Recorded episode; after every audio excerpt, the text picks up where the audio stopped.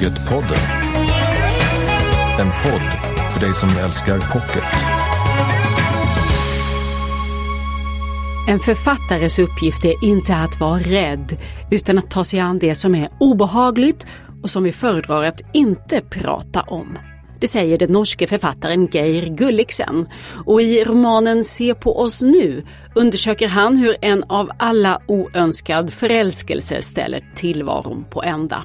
Och i precis samma stökiga läge befinner sig huvudpersonerna i Nina Lyckes bok. Nej och åter nej heter den.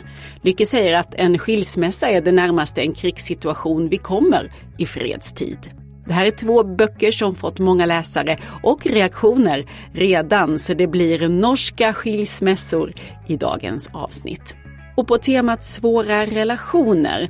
Vi ska också prata om boken Min vän Forsete. Där kämpar Cornelia med att frigöra sig från en man som är psykopat. Författaren Kristina Eriksson kommer hit och berättar hur hon, precis som Cornelia, har behövt bli expert på just psykopati. Jag heter Lisa Tallroth. Välkommen till Pocketpodden. Nu är Maria Såte här, förläggare på Wahlström och Widstrand. Välkommen till Pocketpodden. Tack, jätteroligt. Det är du som har sett till att nu också svenska läsare har de här två triangeldraman att våndas, skratta och fundera över. Vi ska prata om Geir Gulliksens Se på oss nu och Nina Lyckes Nej och åter nej. Det är bladvändare, båda ja. de här. Och till det yttre så har de en del gemensamt. I Nej och åter nej, Nina Lyckes bok, där hittar vi ju Ingrid och Jan som har varit gifta i 25 år. En viss leda har onekligen uppstått i det där äktenskapet och kanske livet överhuvudtaget för precis, dem. Precis. Sen så blir Jan befordrad på sitt departement där han jobbar och man kan väl säga nästan i ruset av den där nya chefsrollen så träffar han också då en yngre kollega, Hanne. Och situation uppstår. Mm. Det är nej åter nej och sen i den andra boken då Se på oss nu, Gulliksens bok, där möter vi Hans. Hans är en 50-årig PR-konsult som tycker sig vara lyckligt gift med Ingun. På en fest så träffar Hans Harriet som är betydligt yngre och dessutom nybliven mamma till en liten bebis. Situation uppstår. Mm. Och redan här känner jag nu att vi måste prata om den här situationen som uppstår för i Gulliksens bok Se på oss nu så ganska snabbt där redan på sidan 20 tror jag det är, så befinner vi oss i den scen som har fått väldigt mycket uppmärksamhet. Mm. Den famösa bröstmjölksscenen. Den har du fått prata en del om. Um, Vad är det som händer? Nej, jag har inte pratat så mycket om den. Jag har mer läst om den. Um, jo, han uh, sitter bredvid den här Harriet uh, på ett bröllop och uh, det är första gången hon är hemifrån. Hon har en väldigt liten bebis. Jag tror bara att den är två månader. Och hon får mjölkstockning och han hjälper henne att handmjölka inne på handikapptoaletten. Och vad tänkte du första gången du läste den? Ja, jag tänkte väl helt klart att det var väldigt ovanligt så att säga och eh, någonstans att hon var okunnig. Men sen la jag inte så mycket energi på det. Jag måste säga att jag inte hade väntat mig att folk skulle reagera så starkt. Ja, det var kanske naivt av mig, men jag var väl så upptagen av, av resten av boken. Det är en spännande scen och tänka hur man, vad man tycker om den överhuvudtaget. Men ibland kan jag väl tycka att den har överskuggat vad boken handlar om. I den där bröstmjölkscenen mm. så uppstår en intimitet som Hans och Harriet då inte kan backa ut ur. Eh, jo, men jag tänker att själva kanske huvudtemat i Se på oss nu är när livet så att säga händer samtidigt som det finns en, en frågeställning till under att när har man helt enkelt ett ansvar att ta tag i det själv så att det inte händer. Jag är inte så säker på att jag håller med om att de får så mycket gemensamt i den där bröstmjölkscenen heller. Jag tänker att det är en slags hatkärlek till varandra och jag tänker att det Geir gör, jag menar nu bara för att jag är förläggare för boken så har man ju ingen sanning, men så som jag har läst det så, så tänker jag att det han kanske liksom driver med så att säga är den här mannens enorma längtan till jämställdhet. Att han drar det liksom för, för långt. Jag skulle nästan säga att han blir förälskad i Harriet också för att han vill vara en jämställd pappa och ta del av liksom det här nyfödda barnet som hon har. Jag tror att det är väldigt mycket det. Och att vara en bättre pappa än vad han kunde vara för sin snart 20-åriga dotter eller hur gammal hon är. Han har ju fått lite uppmärksamhet Gulliksen för sina män. Mm. Berätta mer om den här Hans. Vad är det för figur, huvudpersonen i Se på oss nu? Ja men det är ju helt klart en man som inte klarar av att ta ansvar. Han vill vara väldigt jämställd och, och sådär men han, han faller verkligen handlöst. Det gör han ju. Eh, och tänker ju till och med sådär att han kanske kan ha två kvinnor. Han är ju till och med en bättre man nu när han har den här älskarinnan vid sidan om. De har ju mer sex hemma han och hans fru. Och Han gör alla han en är mer tjänst. uppmärksam och ja, han gör nästan alla en tjänst. Mm. Jag såg någon recensent som beskrev Hans som en man med ryggrad som geléklump. Det håller jag med om. Att han är väldigt bra på att rationalisera sina och andras eh, svagheter. Eh, Ja, precis. Jo. Han förlåter alla allt möjligt förutom sin före detta fru. Och där är väl Gulliksen och klämmer på någonting väldigt mänskligt. Att vi, vi lever ofta i förvirring Ja. kring vilka vi är och hur vi ska bete oss och framförallt hur vi ska nå det vi skulle vilja i slutändan. Ja, det som, en av de saker som jag tycker är så bra, som han är så bra på att skildra är ju liksom hela den här Alltså du känner så mycket att du nästan blir helt desperat åt alla håll och kanter. Du vet verkligen inte hur du ska bära åt dig. Om det är förälskelse eller svartsjuka eller du gör så konstiga saker. Det är verkligen helt irrationellt. Och så agerar vi ju verkligen ofta. Och så finns det en stark längtan om att slippa fatta beslut. Att man vill driva allting till, till en punkt när det, någonting bara måste hända och då är det inte riktigt mitt beslut heller. Nu är förälskelsen så stor så nu måste jag agera på den. Och Det är ju någonting som han har gemensamt med Jan. Ja, verkligen. Lina Lyckes Nej åter nej. Ja, det är också en man som helst vill att någon annan ska bestämma åt honom när han har rört till det för sig. Ja, verkligen. Han önskar sig en katastrof. Livet ska skakas om och han ska förstå att han måste ju stanna hos sin fru. Ja, Bägge författarna här vänder och vrider på perspektiven i böckerna. Mm, ja, eller hur? Mm. Man får följa detta ur, ur mannens perspektiv och ur kvinnans och ur älskarinnans Mm. också. Men tänker du att det också finns ett manligt respektive kvinnligt perspektiv som författarna står för? För det är ju en man Nej, och en kvinna alltså- som har skrivit det, ja varsin bok här. Alltså, Geir är ju helt fenomenal på att skildra även kvinnor. För han växlar ju så att säga perspektiv och berättar den före detta fruns då historia som jag tycker är verkligen mitt i prick. Jag blev väldigt berörd av den.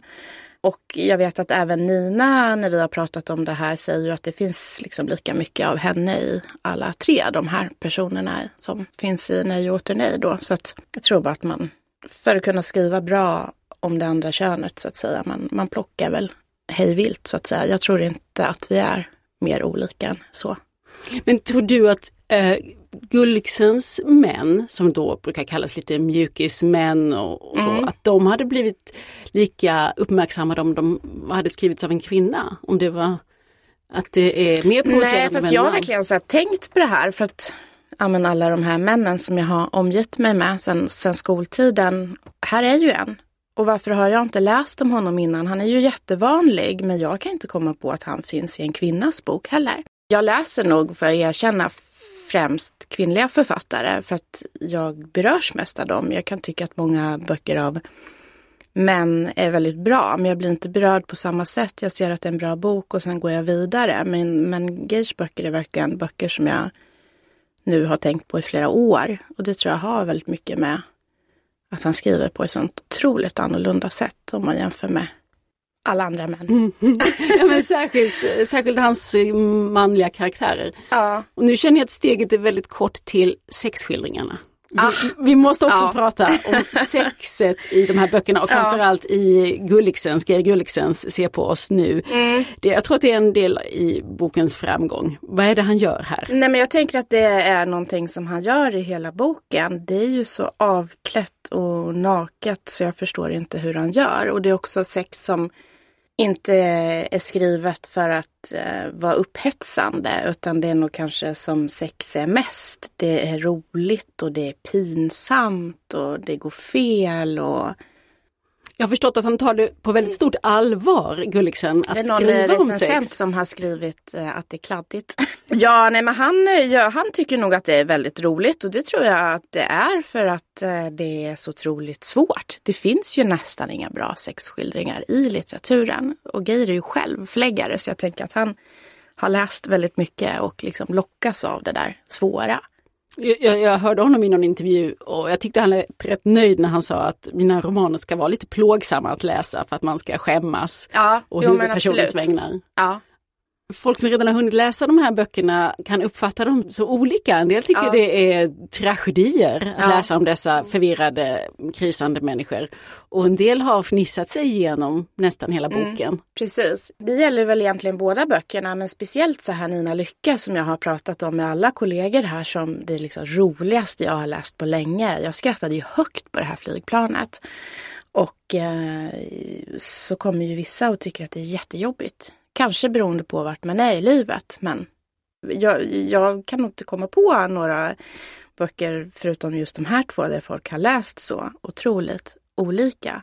Och det har också gjorts en del skillnader mellan norska och svenska mottagandet, eller hur? Vad är, hur har de Ja, uppfattats jag- i Norge, de här Ja böckerna? men framförallt Geir så där läser man väl mycket hans böcker tror jag som, ja det är kärlekshistorier medan vi här han säger själv att han lite känner sig som en svensk författare för att vi just här ställer mycket mer, eller vi, men, men journalister just om, om jämställdhet och, och sådär om kön och det som han tycker om att prata om och därför mycket han skriver böckerna.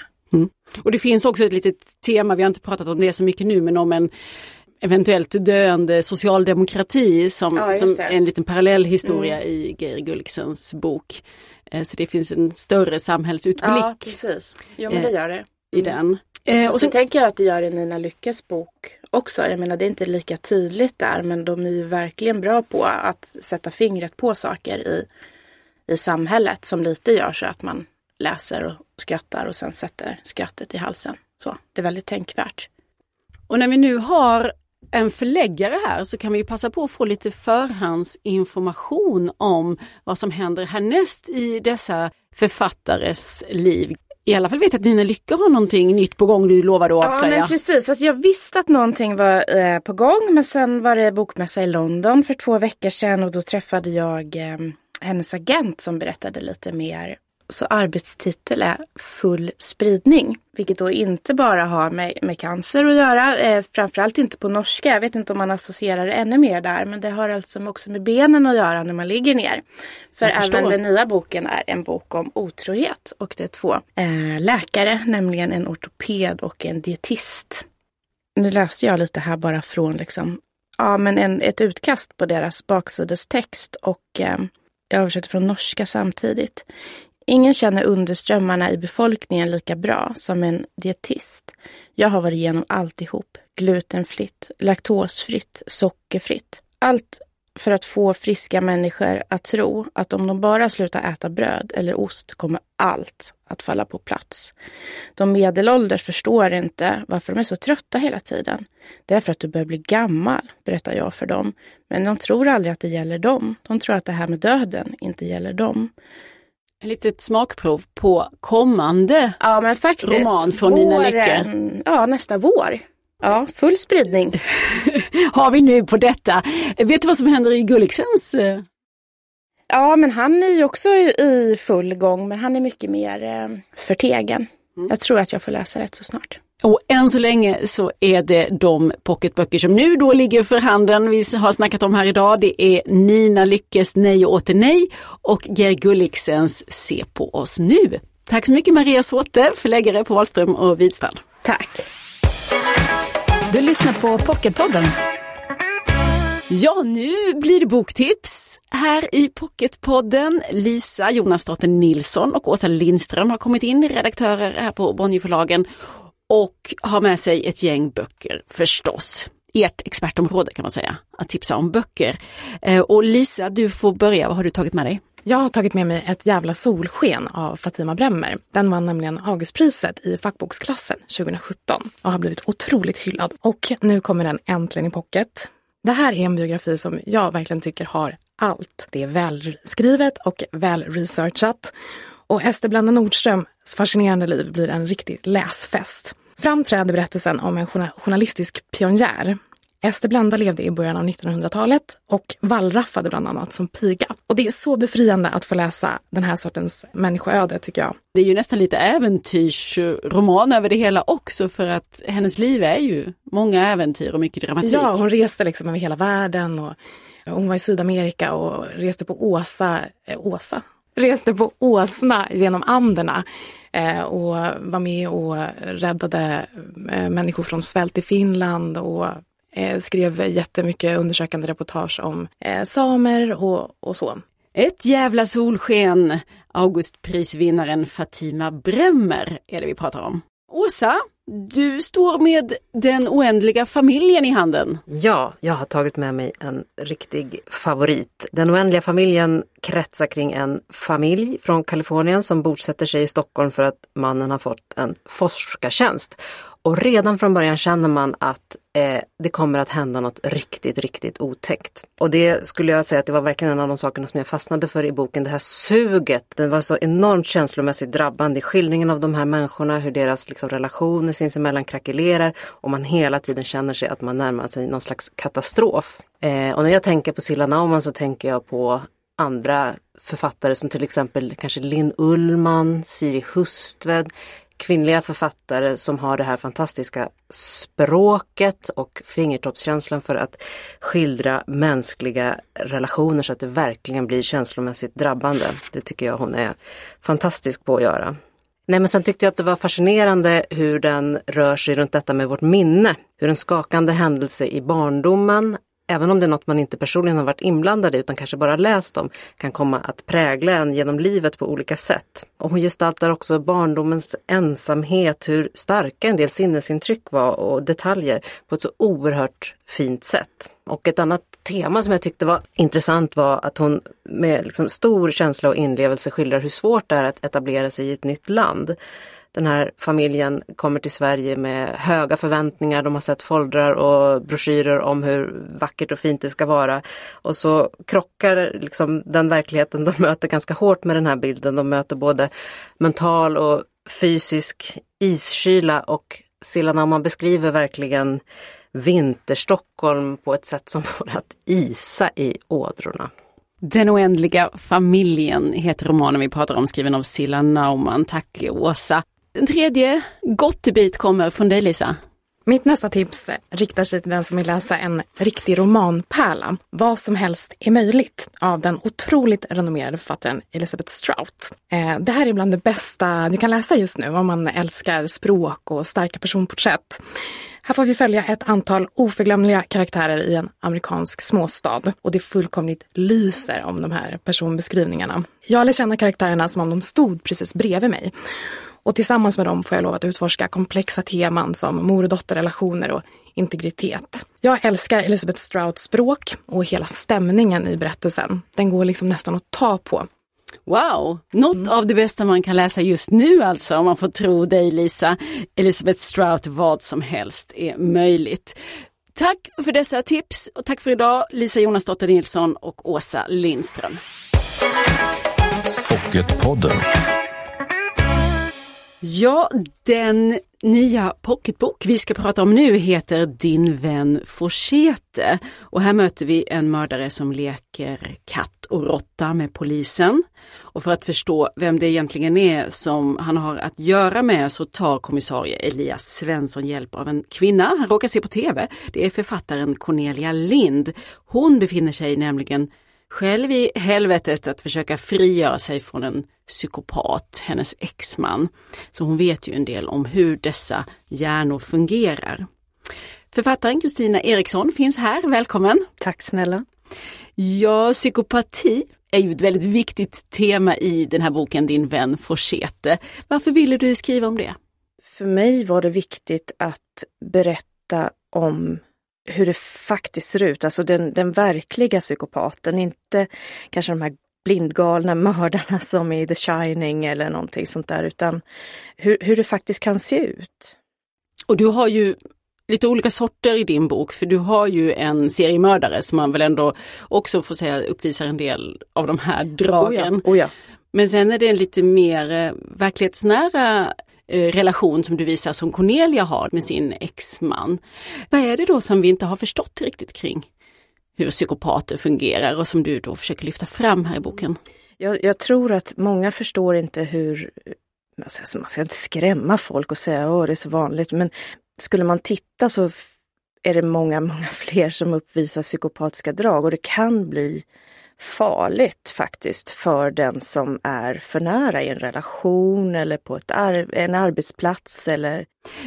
Så polisen i boken, Elias mm. Svensson, han som säkert många läsare har ju en lite diffus föreställning mm. om vad det innebär mm. Eh, och det är inte svart eller vitt man kanske slänger ur sig att någon är psykopat men det mm. handlar ju om att man kan ha drag och man kan ha delar av ett mm. beteende. Mm. Berätta lite grann vad det vad är det som utgör en psykopat eller de här dragen då som, mm. mm. som är så farliga som du mm. säger.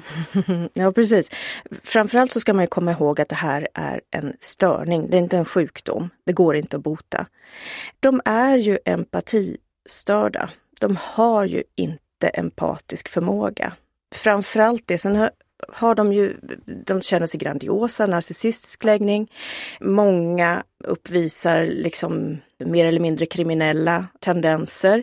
Eh, har de inte impulskontroll så kanske de eh, liksom mördar eller eh, utför rån eller sådana här saker. Har de, har de impulskontroll så kanske de blir vd på börsbolag. En obehaglig tanke, ja, att det är bara men... det som är skillnaden. ja, faktiskt. Men man säger det att ungefär 10% i de där topparna har de här dragen. Alltså. Och en sån här person har ju Cornelia i boken mm. råkat ut för, din mm. huvudperson. Din, du har två kan man säga, för det är polisen å ena sidan och sen är det Cornelia. Och vad är hennes situation? För hon har ju börjat inse att det är en psykopat hon lever med. Mm. Precis. För hennes del då så, så såg hon inte mönstren när hon levde med den här personen. Utan det blev mer och mer tydligt. Dels mot, mot slutet av, av deras förhållande, han började försöka kontrollera hennes värld eh, på ett sätt som hon inte riktigt ville ställa upp på.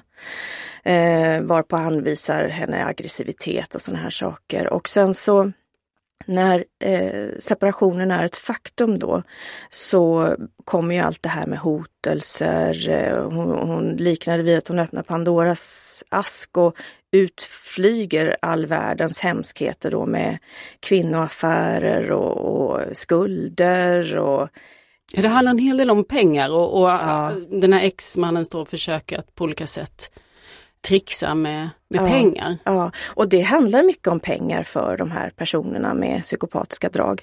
De tar där de kan. Det kanske är genom att de får en kvinna att betala allting för sig eller så skaffar de sig en hög position eller så förskingrar de i eh, kommunens kassa eller någonting sånt här. Va? Eller, eller förening som de är engagerade i. Eh, så de här finns ju överallt. Och det här finns ju med i din förra bok också, ja. Morsarvet. Ja. För du har en hel del egna erfarenheter både av misshandel och av psykopater i din närhet. Ja. Vill du berätta om det? Vad är det för upplevelser du har? Ja, alltså jag, jag växte upp med en, eh, en förälder som eh, har de här dragen. Och eh, som barn så man, man bortförklarar och man, man, man har inte någonting annat att liksom referera till. Va? Det är ens, ändå ens förälder. Men när jag hade passerat 20 år så hände det en sak och eh, då bestämde jag mig för att jag skulle bryta kontakten helt. Så att det där har ju präglat mig otroligt mycket. Vad var det som hände då när du var 20? Ja, då var det så att det var min eh, farmor och farfar som eh, blev utsatta. Och jag hade kunnat, vad ska man säga, acceptera men, men någonstans bortförklara och skylla på mig och såna här saker så länge det hände mot mig och min mamma. Men när det hände mot min farmor och farfar då som betydde så oerhört mycket för mig, så där, där var, det var droppen liksom. Jag kunde inte tänka mig en större ondska än så. När började du förstå att det här, vad det här handlade om och det, all den då kunskap som du nu har och som du också låter Cornelia i boken få om hur, mm. hur de här psykopatiska dragen spelar ut? Ja, det var faktiskt när jag fick mitt andra barn så fick jag en ja, någon slags depression. Och eh, träffade då en eh, psykiatriker och, och psykoterapeut var han, som tog sig an mig under två års tid. För att jag trodde att jag hade ärvt ondskan. Eh, att jag skulle bli lika elak mot mina barn eh, som jag själv hade upplevt då. Eh, och han fick mig att förstå att eh, det fungerar inte på det viset. Var det så du tänkte på det, som ondska eller Ja. elakhet? Ja, ondska, ondska, absolut. Jag, jag, kunde inte, jag kunde inte sätta ord på det. Och, och när jag beskrev det här då vid ett tillfälle, det hade ju gått en tid och då, då sa den här mannen att det du beskriver är en psykopat. Eh, och, det första gången du hörde det? Ja. Och det var då jag började liksom intressera mig för det på allvar, läsa om det. Och då fick jag liksom en större förståelse och eh, eh, kanske tog bort en del av skulden eh, för det jag hade upplevt från mig själv. Så. Och nu har en del av detta då kanaliserats ut i boken Mm. Din vän Forsete där vi ju får följa eh, kvinnan Cornelia som lever i ett, eh, i ett sånt här eh, förhållande med en psykopat eller det är hennes exman hon försöker bryta sig loss ifrån. Och sen är det ju också förstås en mordhistoria Ja. där det verkar som att mördaren kanske har en del av de här dragen. Men sen finns det en annan figur också. Ja. Titeln Din vän Forsete är ju en skugga i boken som vi inte hunnit prata så mycket om. Vem, vem är denna Forsete? ja, vem är han egentligen? Ja, Nu är det här en serie då, så att det kommer att klarna lite granna. Men på vems sida står han egentligen? Man vill ju gärna tänka så här då att ja, men det här är ju en bra person, liksom lite granna superhjälten här som, som kommer in och räddar världen. Men vad är det som driver en sån person? Din vän Forsete finns nu då som pocket. Ja. Tack så mycket Kristina Eriksson för att du var med i Pocketpodden. Tack för att jag fick komma.